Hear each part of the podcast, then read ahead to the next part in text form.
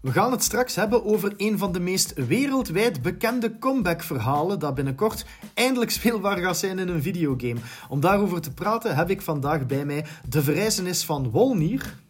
Hallo. Het lichaam van Praga. Amen. En de leidersweg van mezelf, jullie host Roma nog altijd. Verder pastoraal gedrag moeten jullie van ons niet verwachten. Ik heet jullie van harte welkom bij de Pragalicious podcast.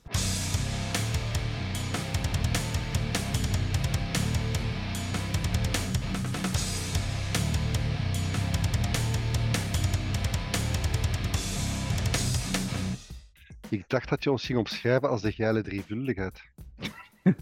Dat had ook wel mooi geweest. Ja? Geilig, geilig, geilig de Heer, de God der heilige machten, gegeiligd in uw naam. Allee, snapt het? Ik, ik snap het. Maar vooraleer dat we over de geiligheid straks als hoofdonderwerp praten, beginnen we zoals altijd met de aperitiefjes en Wolnier aan u om de kop eraf te doen. Ja, ik wil het eh, graag hebben over een van mijn favoriete games. En dan weet iedereen natuurlijk dat ik het heb over Elden Ring, dat intussen 20 miljoen keer verkocht is. En Praga, je mag meteen... Ah, of Sevis, als- ik gedaan heb mijn bal, mocht je in de tegenaanval gaan, want ik weet dat je gaat zeggen, ja, maar Hogwarts is al 12 miljoen keer verkocht. Dat klopt. Maar Elden Ring, dat is een Souls-like game van From Software. En tw- eh, 20 miljoen is echt wel een, is een, is een heel mooi cijfer. Zeker omdat eh, de game nog maar ehm, één jaar oud is. Want onlangs heeft het zijn eerste verjaardag gevierd. En ter gelegenheid daarvan was een soort van livestream georganiseerd door eh, Bandai Namco, waaraan verschillende bekende Twitch-streamers aan deelgenomen hebben. Veel fans dachten uiteraard van, ah, dat is de ideale gelegenheid om DLC eh, aan te kondigen. Dat hebben ze niet gedaan. Ze hebben dat geheel op zijn From Softwares gedaan op een dinsdag voormiddag één tweet. Eh, heel Amerika lag nog te slapen op die moment. Ehm, dus ze hebben de, de DLC genaamd Shadow of the Tree aangekondigd. Ze hebben wel al gezegd dat die nog maar in ontwikkeling is. Ze hebben nog niet gesproken over een eh, release date of zo, maar ik zelf verwacht ook pas dat dat begin 24 gaat zijn omdat eh, Armored Core 6 moet dit jaar nog verschijnen. En het enige wat ze hebben laten zien is eigenlijk die, die aankondigingstrailer. Maar nog geen eh, gameplay laten zien, geen release day. Dus ik verwacht dat ze dan ja, zo, tijdens de Summer Game Fest of zo gaan, gaan aankondigen voor het najaar. Dan begin 24 verwacht ik de, de DLC. Om te onderstrepen hoe zot dat de cijfers van Elden Ring zijn, die 20 miljoen is niet, maar wel bijna evenveel als alle vorige From Software Souls-like samen. Hè? Bijna meer dan de hele Soul-serie van Demon's Souls en Dark Souls samen, dacht ik. Eh, ja, ik had dat vorige week gepost. hè. Dat was eh, meer dan een derde. En dat na één jaar. Dus de Dark Souls eh, games, dus 1, 2 en 3, was 27 miljoen keer verkocht. Wetende dat Dark Souls 3 eh, verschenen is in 2016, dacht ik. Bloodborne is het minst. eh, nee, eh, de originele Demon's Souls is eigenlijk het minst verkocht, wat logisch is, want die game, dat genre was totaal nog niet gekend. Eh, Sekiro was, dacht ik, een 5, mil- 5 miljoen keer verkocht. Eh, Bloodborne, dat was PlayStation 4 exclusive, dus dat is logisch dat dat wat minder verkocht is. 2 miljoen, dacht ik. Maar ja, dus die 20 miljoen van Elden Ring op één jaar, dat is, echt fenomenaal voor, voor From Software. Eh, En telt, en telt daar nog eens alle, alle klonen bij, want die mannen hebben zonder het zelf te weten of te beseffen, denk ik, echt een, een geheel nieuw genre neergezet. hè. Absoluut. Ik denk dan absoluut, zeker ja. in de eerste plaats aan de, aan de twee Neo-games en aan de, de Surge bijvoorbeeld. Of Remnant from the Ashes. Scars, Scars Above, wat nu pas Absoluut. verschenen is. Ik bedoel, Heel veel games hebben de inspiratie gehaald bij, bij From Software, ja. ja. Zelf in Returnal herken ik ook wel een beetje Souls-like, hè, toch? Ja, ja. Er zitten wel wat elementen, ja, er zitten wel wat elementen van in, dat klopt, ja. Denkt gewoon hier dat de serie, dat de Souls-like games van From Software met Elden Ring nu op een hoogtepunt zitten, dat ze wat tegen een plafond beginnen te raken? Of verwacht je, als ze bijvoorbeeld, ik zeg nu maar iets, binnen twee jaar Elden Ring 2 aankondigen en binnen vier jaar uitbrengen, ik zeg nu maar wat, denkt je dat dat dat dan nog kan toppen qua sales? Eh, qua sales sowieso wel, ja. Ik denk dat ze nu, ehm, die, zelfs die Armored Core gaat nu volgens mij enorm goed gaan verkopen. Puur omdat het een game is van From Software. Eh, denk ik dat heel veel mensen benieuwd gaan zijn. Maar dat is totaal geen Souls-like game. Maar toch gaat dat volgens mij. Ik, zeg, ik denk niet dat dat 2, 3 miljoen keer gaat verkopen in het, in het eerste jaar, maar toch, misschien toch 1 miljoen exemplaren gaan daarvan verkopen. Daar ben ik vrij zeker van. Ik denk dat andere studios, uh, klonen vind ik zo'n onrespectvol woord eigenlijk, maar ik moet wel gebruiken nu. Uh, de lat die de originele bedenkers gelegd hebben, op een of andere manier hoger gaan leggen. En dat ze die mensen, hoe ga ik het zeggen, op het scherp van de snee moeten houden. Ik denk bijvoorbeeld wat dat EA, ik moet een kat en kat noemen, heeft gedaan bij Wild Hearts. Dat is eigenlijk Monster Hunter en Monster Hunter World. Eigenlijk nog, nog iets beter maken en nog iets gaan perfectioneren. Fijn gaan tunen. Uh, wat je in de review van de site kunt lezen. En net gelijk als die game Wolong, waar we straks gaan over hebben, dat is eigenlijk ook je zegt zelf die blazen, daar gaan we straks over uittypen, een frisse wind door het genre, snapte? Absoluut. Die gaan het misschien perfectioneren, maar ik denk fine-tunen, toch de, de fijne dingetjes eruit halen, je eigen sausje daaraan toevoegen en, en zo op die manier het weer toch net het gerechtje iets smakelijker maken. Ja, Elden Ring heeft nu wel gekozen voor het, voor het open world gegeven. Dat is de eerste keer dat een Souls-like dat eigenlijk doet, want dat is altijd extreem lineair. Uh, Elden Ring heeft... Uh, ik, allee, ik was op voorhand niet echt overtuigd van gaat dat werken, die formule van open world. Maar dat, dat heeft fantastisch uh, gewerkt. En, en ik denk dat het, ik zou het nu heel raar vinden dat, dat From Software een nieuwe game zou aankondigen die dan terug lineair gaat zijn. Dus ik verwacht vanaf nu van From Software wel meer open world games. Ik vind eigenlijk dat open world gegeven van Elden Ring, want ik heb het ook gespeeld, serieus gespeeld toch. Um, en ik had zoiets op tijd die in open wereld, want shit, en nu? Ik was volledig mijn gevoel kwijt met het verhaal, ik was volledig... Allee, ik ben een van de weinige mensen, denk ik, die er niet mee akkoord is dat Elden Ring een toegankelijke game is. Ik vind dat de minst toegankelijke From Software game als nieuwkomer. En dat komt omdat dat spel geeft u geen enkel icoontje op de map. Dat zegt u niet, ga naar hier, ga naar daar. Als nieuwkomer en je kent de mechanismen niet van From Software, loopt je allee, gigantisch verloren in die wereld. En je weet niet wat je moet doen voor mensen die die From Software games gewoon zijn, is dat, die hebben wel een voorsprong. De combat die is wel veel toegankelijker. Met spel op zich is een minst toegankelijke From Software game, vind ik. Ben ik het mee eens, want voor mij als nieuwkomer, al ik heb Dark Souls 3 wel staan, maar dat heb ik ook waarschijnlijk minder uren dan dat er in de titel zitten gespeeld.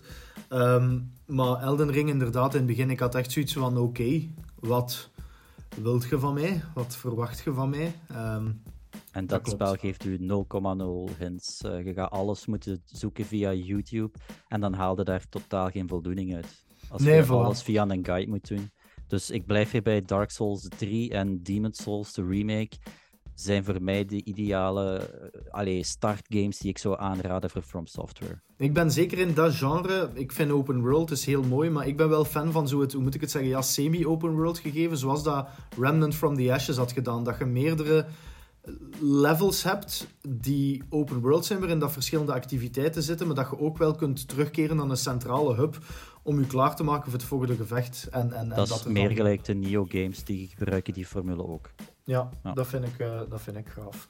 Ik wil het even hebben over de studio Tango Gameworks. Die hebben net een uh, bericht gedeeld, al een paar dagen geleden tegen dat de podcast online staat, over het vertrek van een heel uh, bekend persoon binnen de organisatie. Het is hoog tijd dat er wat meer namen aandacht krijgen in Gameland en dat het niet altijd over Hideo Kojima gaat als we het over één specifiek persoon hebben.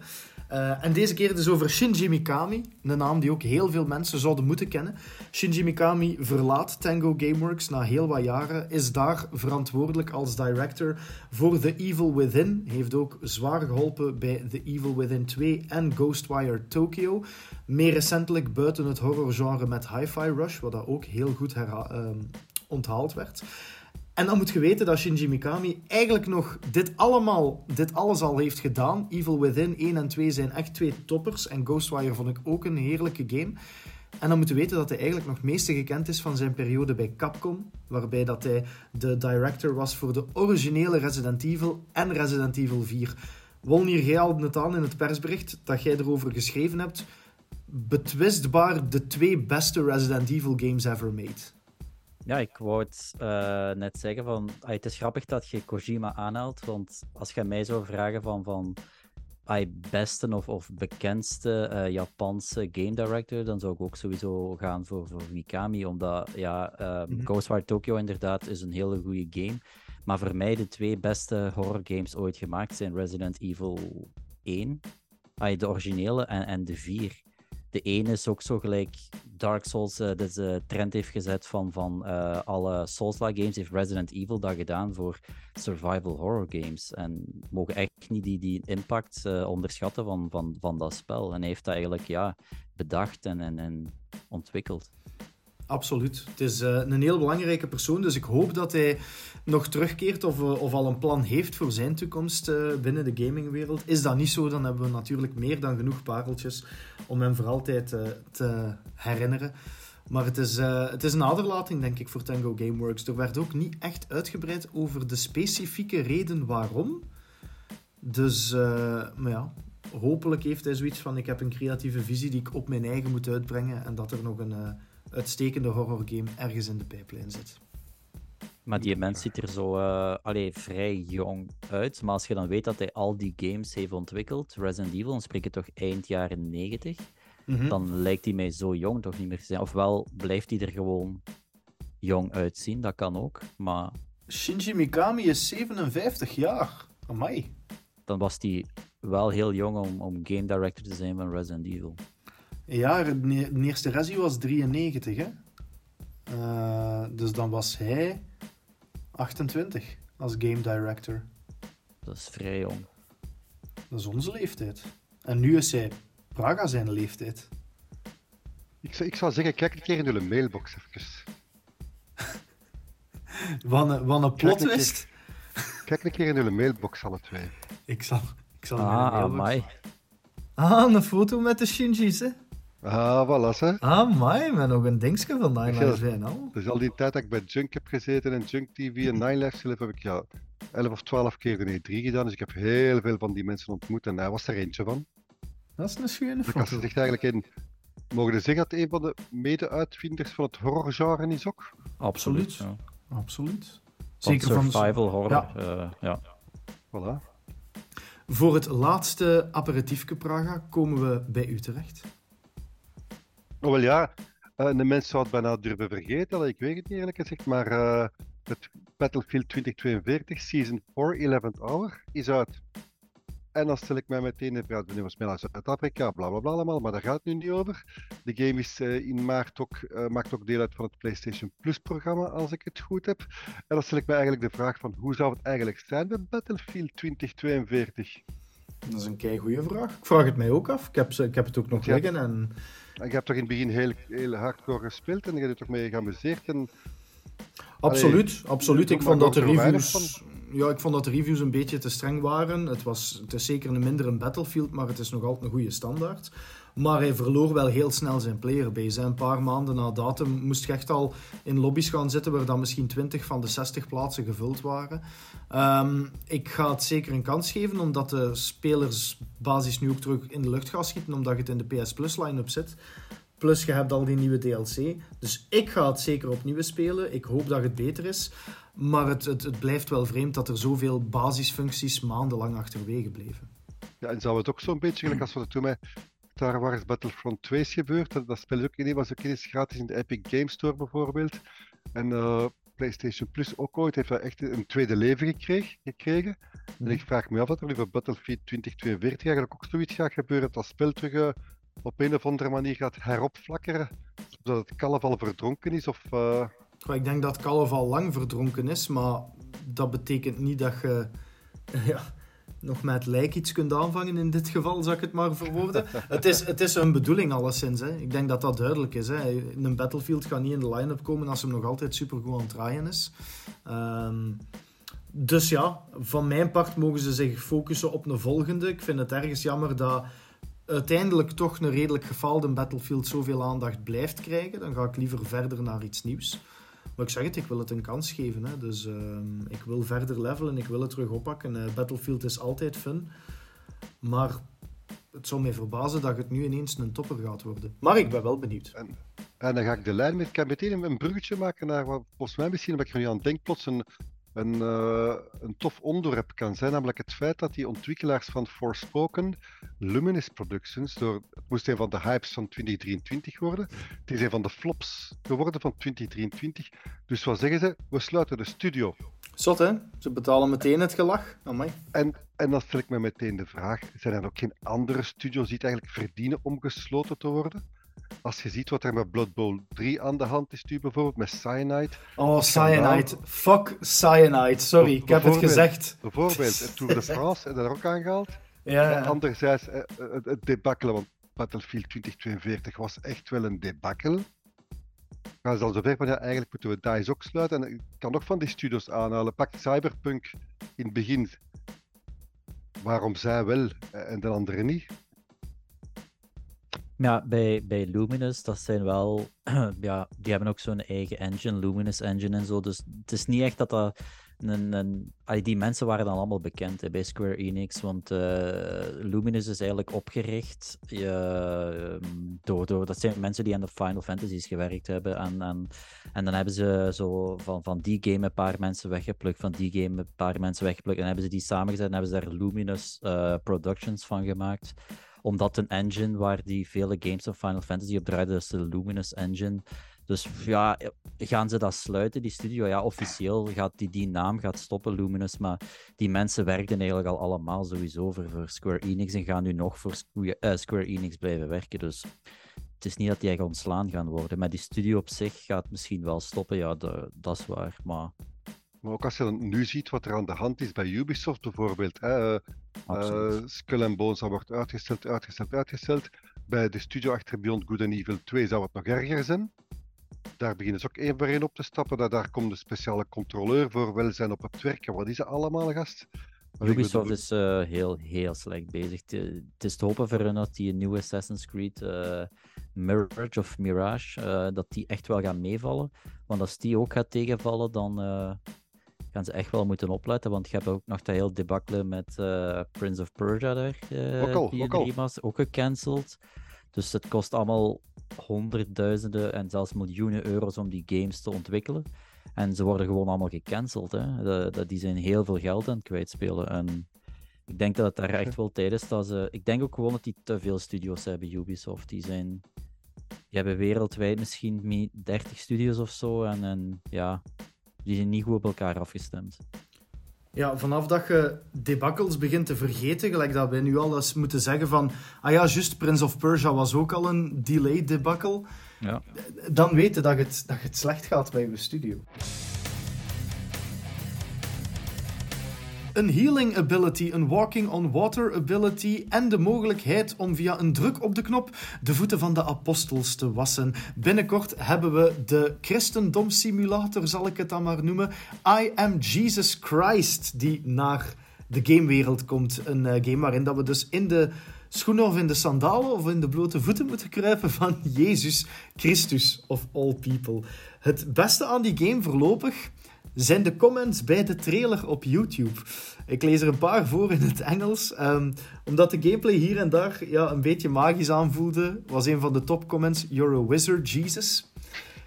Um, iemand, anders, iemand anders zei: They really nailed it. Dat is een goeie. En nog iemand zei: When Jesus said he would return, I never thought he meant in a video game.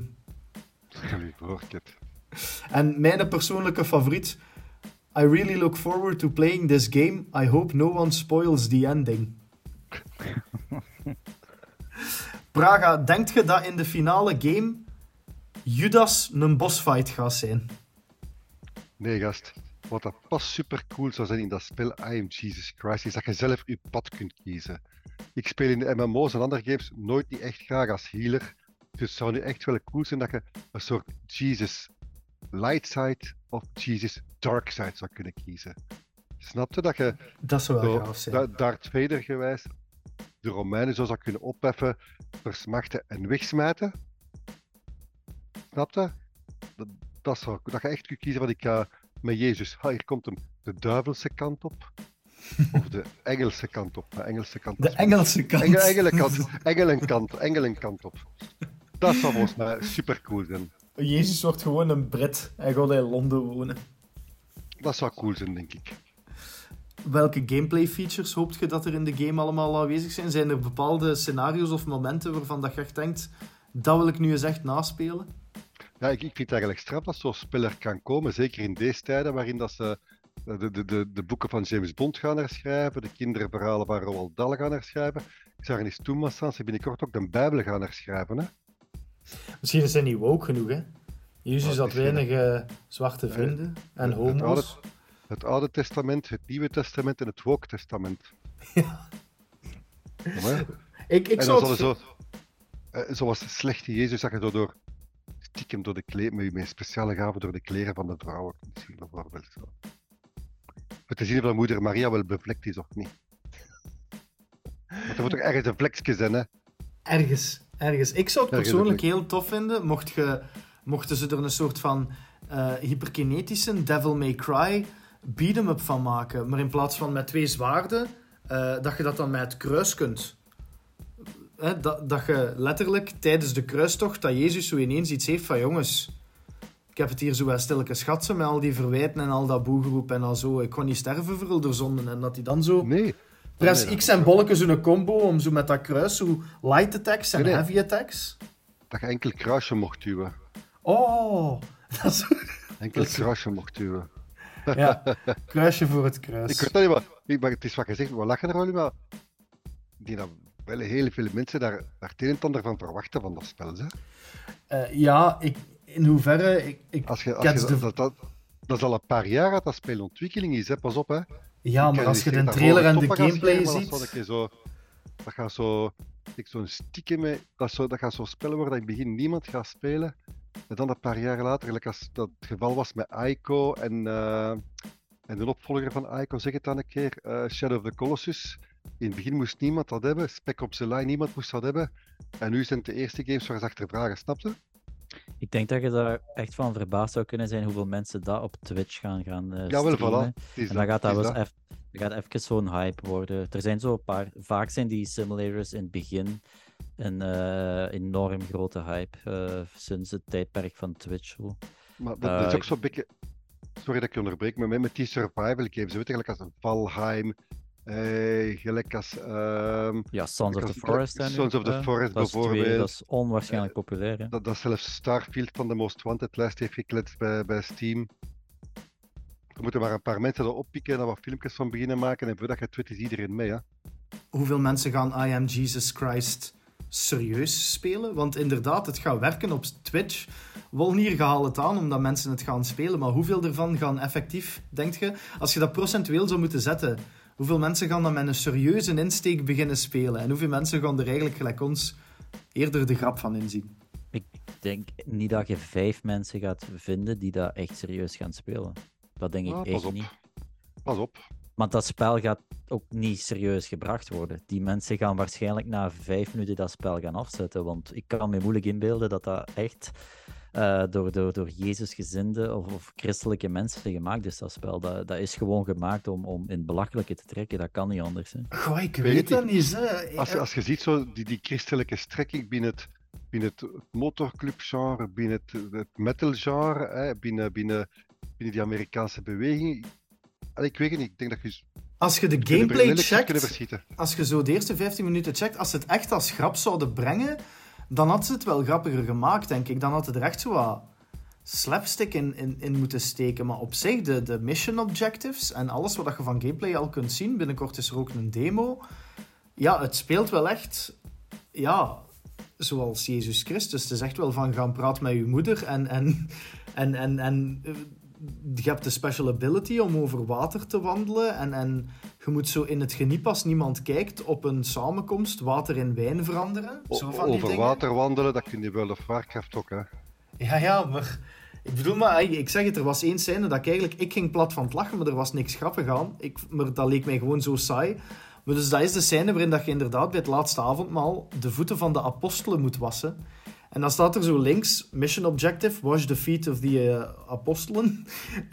en dan komt er zo die kamer binnen en dan stonden er zo twaalf pop-upjes van elke apostel. En moeten echt één voor één die voeten liggen wassen. Ja, dat ja. zie, zie God Simulator, wat daarmee gebeurd is. Hè? Oh, Ik wat had nooit gedacht dat een geit zo, zo populair zou zijn. Of dat met, met, met die zwaan, dat je dat die boeren moet gaan pesten en zo. Untitled Goose Game. Ja, een Titled Goose Game bedoel ik bedoel. Zou je kunnen verschieten, hè. Het is, de, het is aan, de, aan, zij, aan zij die durven, eh, aan die origineel durven zijn, die met een aparte insteek durven komen om, om te scoren, hè. Tegenwoordig wordt er eh, zoveel die- eenheidsworst gemaakt en, en, en, en, en geen nieuwe IP's. En dan kom ik een met zoiets plezant en de mensen zeggen, wat kan dat ik eens spelen, voilà.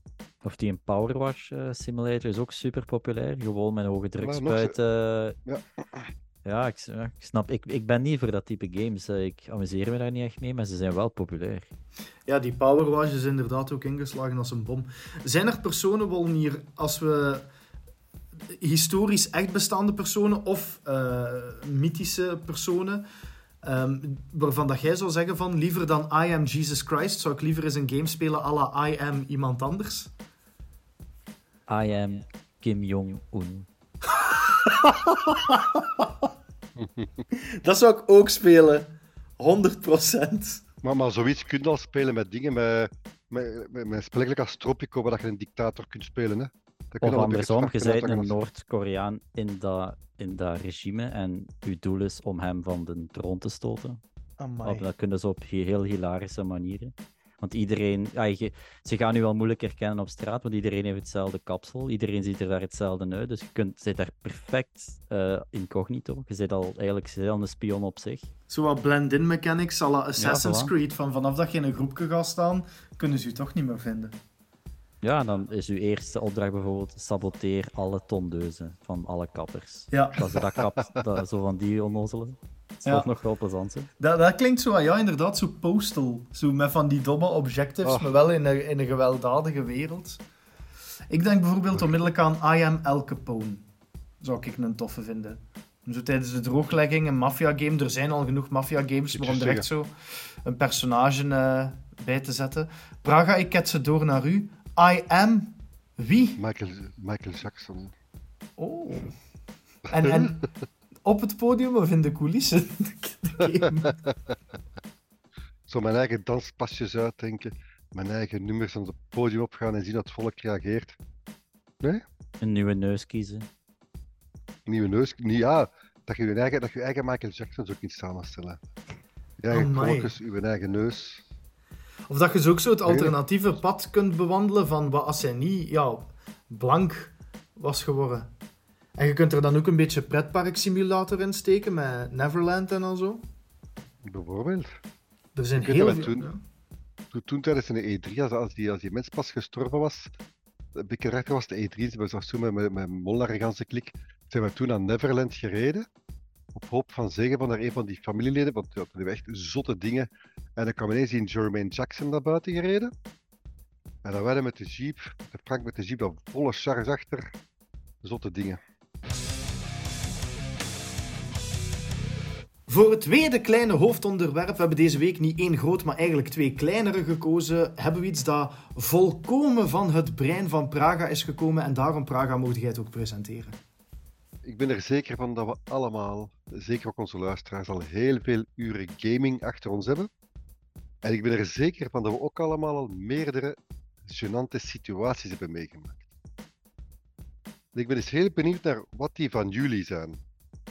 En dat kan gaan van een nat tot schoonmoeder die aan de deur belt, tot ik weet niet whatever.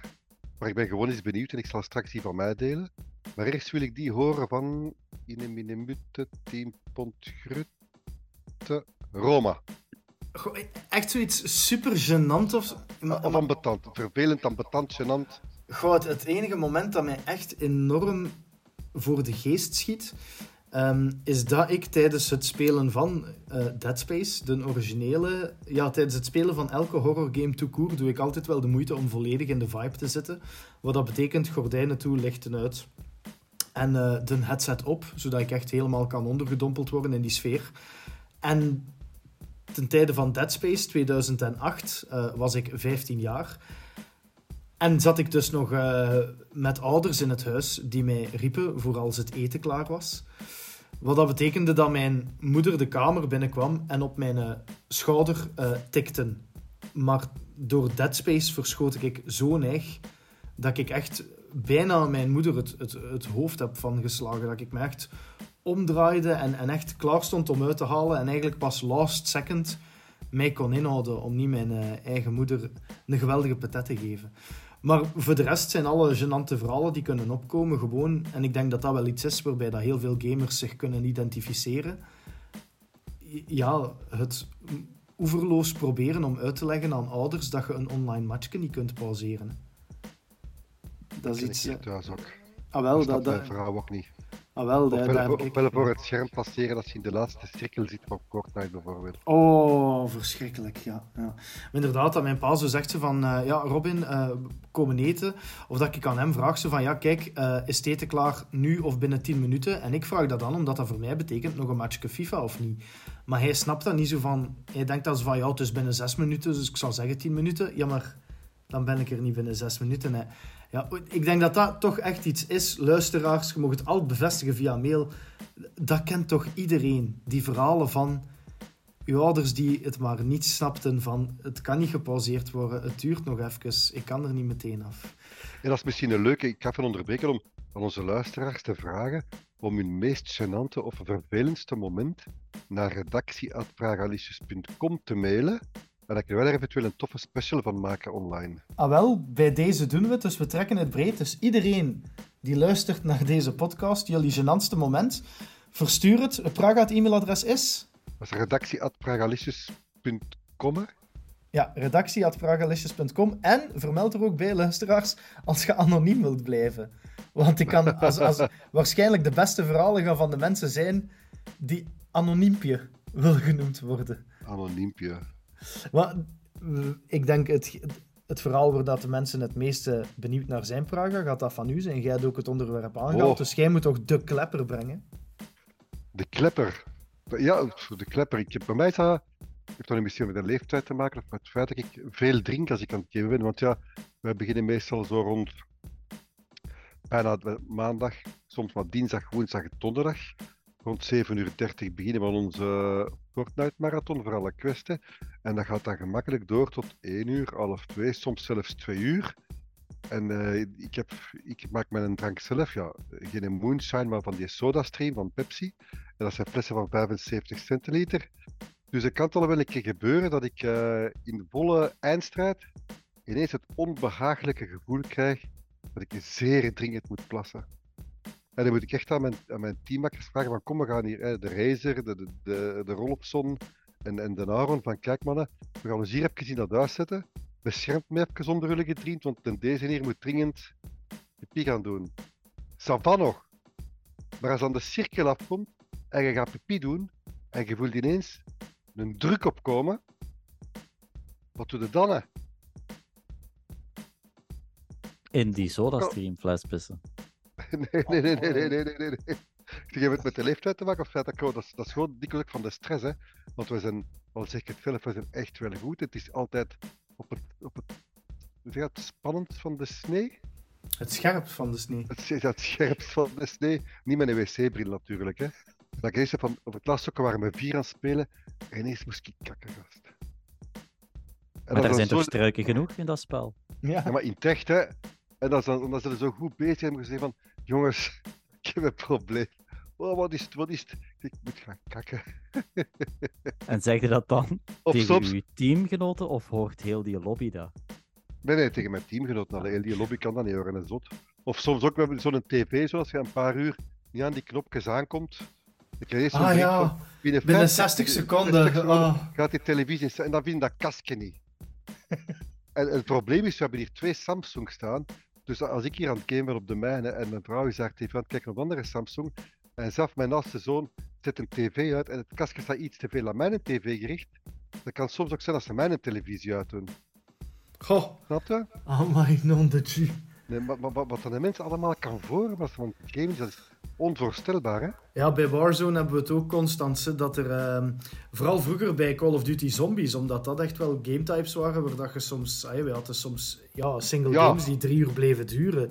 en dan moest... Dat, als, als je daar bleef gaan, als je naar het wc moest gaan, dan was je sessie gedaan, hè, maat? Maar, de belangrijkste vraag, Praga, um, en ik zal dan ook eerlijk zeggen wat dat wij doen, maar uh, Mute je je geluid als je naar het toilet gaat, of niet? Nee, nee, nee. Nee, wij ook niet. Heeft Nee, iets te, man- gewoon- te maken met ons macho gehalte? Mijn headset en mijn headset gaat gewoon mee naar daar en die komt gewoon terug mee naar hier. Ja. Ik doe die zelden of nooit uit. Ik geef even een shout-out naar Big Daddy Fists, eh, een gaming buddy van mij die de langste pisstralen ooit heeft. Als die begint te pissen, ik denk altijd van, ik wou dat ik... Hey, die moet een gigantische blaas hebben. Ik wou dat ik zo kon pissen. Ik moet sneller gaan pissen, maar hij kan echt zo dat ophalen. Maar als die dan gaat... we- ik heb echt vaak gedacht dat hij het fakte, maar zo lang pissen. Ik probeer het ook zo lang mogelijk vol te- in te houden, maar op een gegeven moment kun je dan eens echt spurtje trekken en eh, hoge druk, gelijk als Power Wash, Power, Power P Simulator, dat zou ook een coole naam zijn. Als je dat geluk hebt, dan hangt er zo nog wat kak in de bril, hè, dat je die er zo kunt afpissen. Hè. Dat is de ultieme minigame in real life. Hè. Ja, Dan ga je het alle twee al gedaan, hè. Er zit hier zo nu wat stom te Maar kijken. iedereen, iedereen doet dat. Iedereen doet dat. Maar nee, wat ik, als, nee, want als ik, de, als ik naar het toilet ga, de grote boodschap, en, eh, en er durft ook maar een klein bruin randje plakken, dan eh, komt mijn chef achter mij van zeg, je moet je wc wel proper houden. Hè. Wat denkt jij wel niet als er die mensen op bezoek komen die met dat wc gaan? De ultieme blijk van dominantie zal pas zijn als uw chef dat er dan afpiest. dat, dat, dat, dat, dat, dat, dat, dat, dat was hè. Je moet je lachen gaan met pornosnor daar van onder. Hè.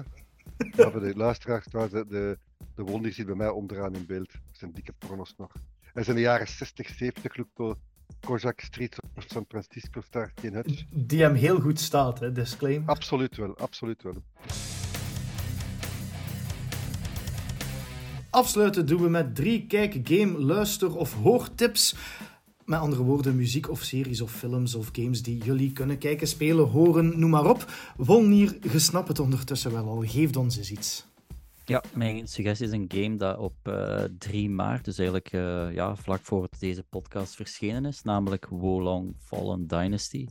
Eh, de spirituele opvolger van, van Neo 2, zeg maar. Ik heb die game ook eh, gereviewd en ik heb het een, ja, een 9 op 10 gegeven, omdat het wederom een ijzersterke Souls-like game is eh, vanwege Team Ninja.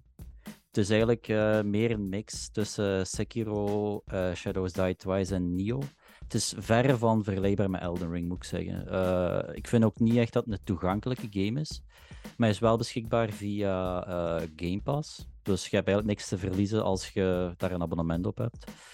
Of je kunt de demo spelen, die is nog beschikbaar tot eind maart. Mijn eigen suggestie had heel veel kans om een game te zijn, maar dat is het uiteindelijk niet geworden. Sinds de review van de Dead Space remake heb ik mij bezig gehouden met Like a Dragon Ishin, met Atomic Heart, met Blood Bowl 3, met Chef Life, A Restaurant Simulator. Maar geen enkele van al die games had eh, echt wat aan nodig is, vond ik, om, om het enorm hard aan te raden. Atomic Heart was leuk en is voor FPS-fans zeker de moeite. Maar het beste wat ik van de voorbije weken heb, eh, heb kunnen zien, is de film. En mensen gaan dit misschien niet zien aankomen als ze de review niet hebben gelezen. Winnie the Pooh, Blood and Honey. Heeft een gemiddelde score van 6%. Misschien is het ondertussen al, tegen dat deze podcast uitkomt, gezakt naar 5, want het is nog aan het zakken. Een gemiddelde score van 5% op 100 dus op Rotten Tomatoes. User score zit wel aan 52%. En op IMDb gaat de score misschien binnenkort zakken onder de 4,0 op 10. En dat is volledig onterecht. De review die ik erover heb geschreven het een 8 gegeven. En is eigenlijk half een review en half een kritiek op de Puriteinse reviewers die gewoon met de foute ingesteldheid naar zo'n film kijken. Nee, het is geen Oscar-materiaal. Nee, er zit geen geweldig verhaal in. En nee, er zijn geen interessante karakters. Wat je krijgt is exact wat je verwacht. Er zitten een aantal tieners in een bos en Winnie de Pooh is een moordlustige gek geworden die die allemaal wil afslachten op de meest bloederige en gore manieren. Dus wie houdt van Saw, wie houdt van Hostel en wie houdt van Texas Chainsaw Massacre, ga dat zien. Het is echt geen slechte film. Zeg dat ik het als enige op de planeet bijna gezegd heb. Voor de laatste suggestie van de week eindigen we met Praga. Ja, ik dacht te beginnen met het derde seizoen van The Mandalorian. Maar ik zeg, iedereen gaat dat zien. Dus heb ik een ander voorstel. Mijn zoon heeft mij dit voorbij, voorbije weekend laten kennismaken met Hyperdrive op eh, Netflix.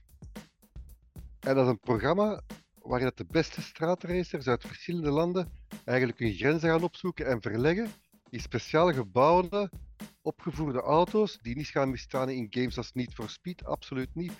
Op, op, op de beste drifter, op de meest uitdagende hindernisbaan ooit.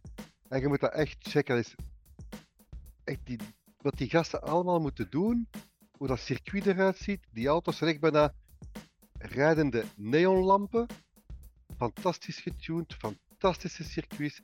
En ik zweer u, enorm spectaculaire tracks om op te racen. Gaat dat zien, gaat dat zien. Hyperdrive op Netflix. Als je een racefanaat bent, en niet voor speedfanaat, tuningfanaat, whatever. Hyperdrive op Netflix is helemaal uw ding. Daarmee zijn we weer helemaal rond voor deze aflevering. Krijgen jullie maar niet genoeg van ons? Pragalesjes.com is de website. Op Facebook, op Instagram en op TikTok vinden jullie ons ook terug. En de podcast op Apple Music, YouTube, Spotify en overal waar dat ze weten wat een goede gaming podcast is. Wij zien jullie heel graag bij de volgende aflevering massaal terug. Tot dan.